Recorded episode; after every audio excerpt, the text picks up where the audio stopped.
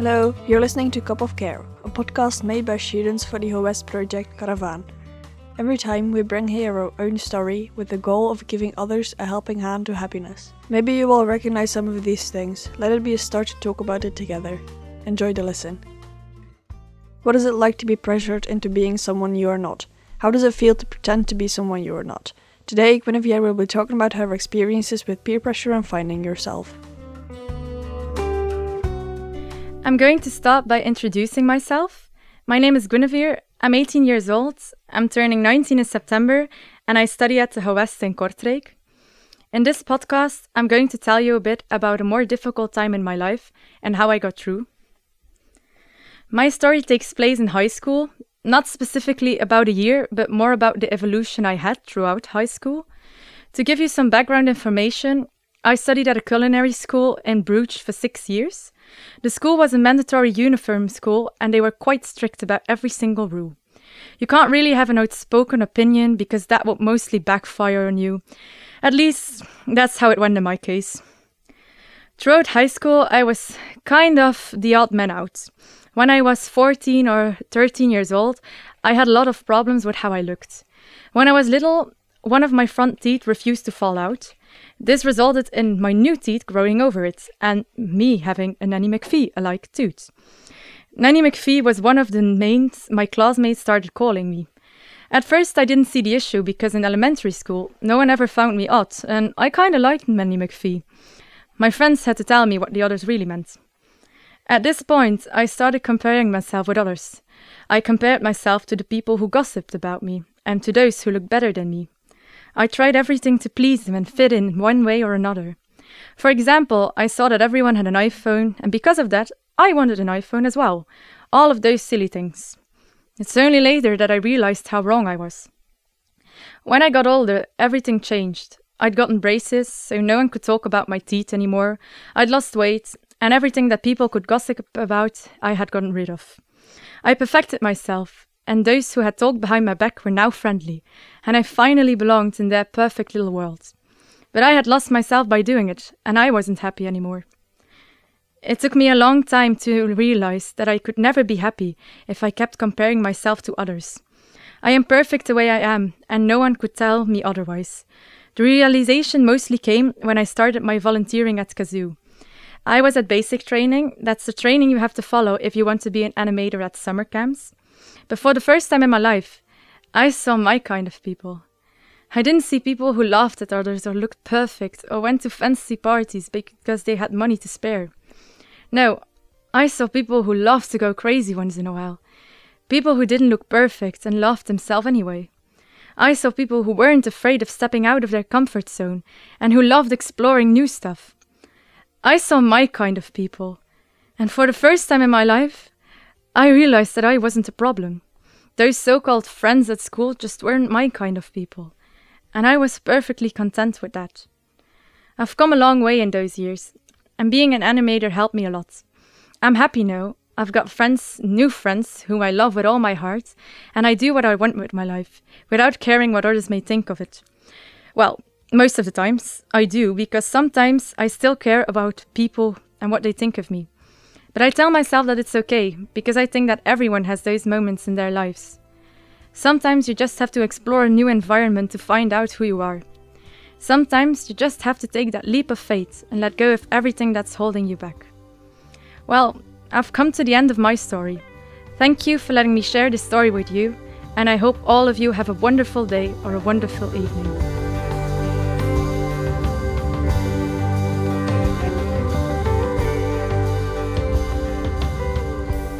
Very interesting story. Thank you for sharing that with us. I'm sure a lot of people can relate with peer pressure. Um, what was one thing you would tell your younger self? Um, if I could tell my younger self something, I would probably say to care less about what people think about me. It's more about important about what I think about me. And it's also okay to be different. You don't have to be the same like everybody else. And that's what I thought when I was younger. So I think that's an important thing to say as well. And also that I can't try and please people all of the time because you just can't do that. You'll never please everybody. And sometimes it's more important to look at yourself first and see what you need instead of what other people need and that you lose yourself on the way a bit. Uh, what has helped you the most? For me, it were like um, four things, mostly books, because for me, that's like a world I can escape to and where I don't have to worry about anything else. You're so caught up into a story and I just I love to read words and see things and then I imagine pictures with words. So that was really nice for me because every time I read, I'm like in this whole different world and I'm so caught up in the story that I can just read for 2 or 3 hours and not realize how late it is. And also my close friends and family because they were really important to me it helped me a lot with how I feel about myself, how I look at myself. And they also told me that I didn't need to worry about all those things as much. But you still do that. But it's nice to have people tell you that because when people keep telling you that, you also keep believing them. And that was a big help for me and also my cats because I could tell a lot of stories to my cat. I could say all my frustrations to my cat. My cat would never judge me. My cat is the nicest cat in the world and I love him very much. Wow, non-judgmental cat. Doesn't Yes. happen often. But he also looks angry a lot of the times because when he, he doesn't get like his candy, he's also angry. what kind of books do you like to read? I love to read um, fantasy stories like um, the Golden Compass trilogy that from Philip Pullman. I love to read those books. And also the trilogy of uh, A Court of Thorns and Roses. I really love those. I really love those kind of books. More fantasy stories then. Yes, That sounds great. I also really like fantasy books. yeah, I love them. Uh, how much and how did your friends support you? Well, mostly my roommate supported me because I spent six years in boarding school. So she was always there. We had like our late night talks when we had to go to sleep. We kept on talking. And then our. Uh, oh. I'm looking for the words. Hmm. I'm not finding the opvoeder. Allee. Caretaker? Ah, that's a good one. Our caretaker, she used to come in our rooms and tell us to be more quiet, and then we would just whisper. We just spent three hours talking every night almost about everything that happened that day and what we felt good about and what we felt less about. And I had a feeling that it really helped both of us because we were, we were both the outcasts. So it was nice to have someone to talk about and to talk with, and also to gossip with. That's also nice. Not a lot of sleep then. No, unfortunately not. Should have slept more sometimes. I almost fell asleep in all of my classes. But I still graduated, so it wasn't That's a problem. That's the thing that's most important. Uh, your parents, were they any help? Well, they were, but not that much because because I was in boarding school all of the time. I was only there in the weekends, and then I rather enjoyed my peace of being at home and not being surrounded by everyone 24/7. So I didn't really bother to talk to them about it much. But when it was really bad, I did. Hmm. So I- peace and quiet during the weekends then. Yes, indeed. Not like quiet, quiet, like I didn't say anything, but I was myself. And they also didn't notice that anything was wrong or something because I was honest. And I, I told them when things were going bad, and then they were there for me. But they also sensed when they needed to leave me alone for a bit or when I didn't want to talk about it. So it was a really nice, it was really nice for me. That they didn't push me. So. That sounds good. Would you change anything? No, because all those experiences made me who I am as a person today, and I think that's really important. Of course, when you look at back at it, I wished a lot of times that things would change and that I would fit in more and that it would be better. But now I think it was important to shape me as the person who I am today because I care a lot less about what people think and I'm more I take more care of myself than I used to and I think that if those things wouldn't have happened to me that um well that I would still be the same person. Mm. And I needed that growth and I needed those tiny little things that were um, annoying but they were important to me. What doesn't kill you makes you stronger. Yes, indeed. That's beautifully said. Thank you. Uh, I'm pretty sure a lot of people have struggled with this. I'm probably not in the same way that you have struggled with this, but I'm very interested to see what other people's stories are. So am I. Um, having to do something you probably don't want to do. Uh, yeah, being pressured by uh, your peers, by your uh, classmates. For example, drinking or something when you don't really like to drink. Sometimes it's uh, subconscious that like because everybody does something that you feel like you also have to do it. Well, when I was 17, I had a friend group and everybody always was drinking, and sometimes I didn't want to drink alcohol, and I ordered because I, otherwise I was the only one without alcohol. There are some uh, classmates in my uh, group who are like better than me, and I always try to uh, make my work to their level. And sometimes I succeed, sometimes not. But it's like a friendly competition, more like a uh, bad thing. So I guess it depends on the context. Sometimes peer pressure can be good if it's you know for your best interest, I guess. But aside from that, not really a fan, I guess, or I don't try to let it influence me right now. So I was thinking on working on my own.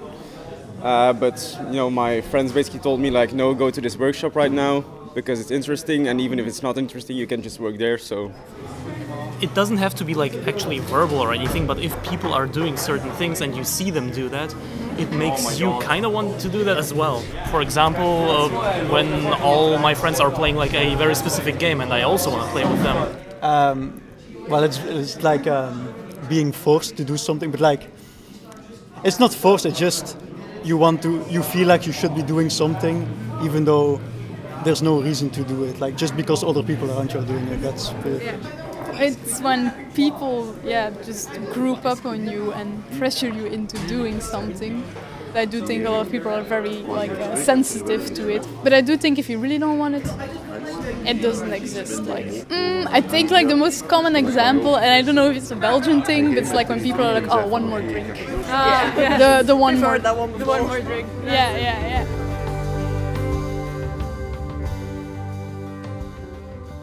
It seems like most people associate peer pressure with alcohol, which doesn't surprise me to be honest.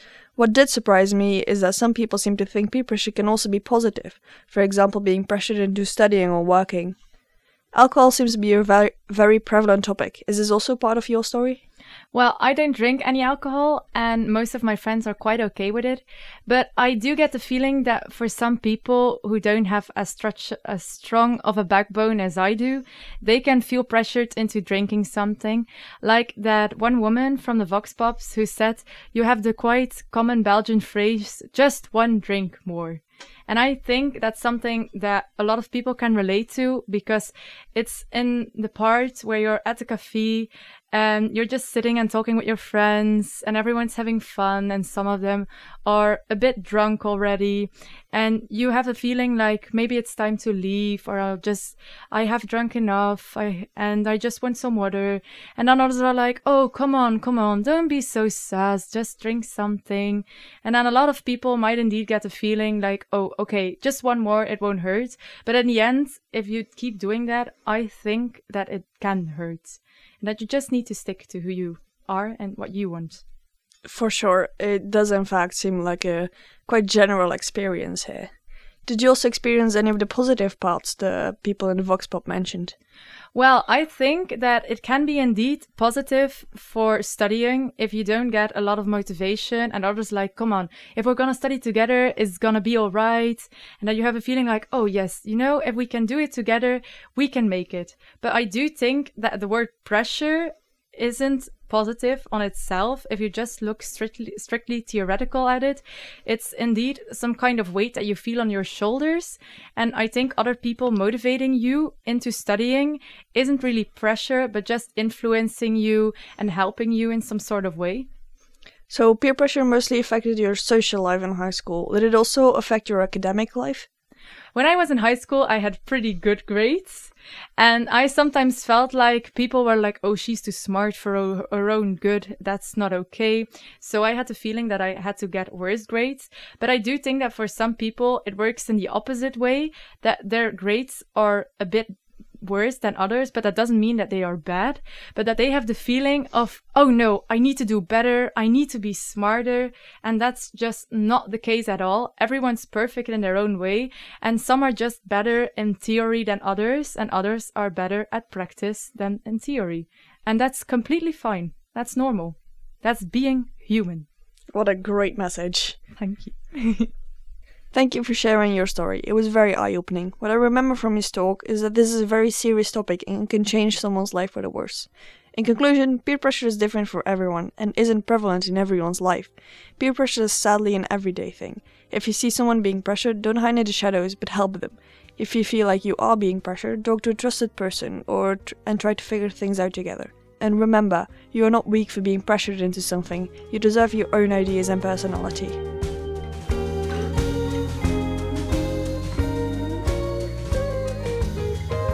We asked Ali Weiss to listen carefully to Guinevere's story on peer pressure. Ali is community manager at Howest Digital Arts Entertainment and studied psychology at the Loyola University in Maryland and at the Catholic University of Leuven. She gives us her reflections and thoughts on the story in an extra episode of Cup of Care. Curious? You'll find it in your favorite podcast app.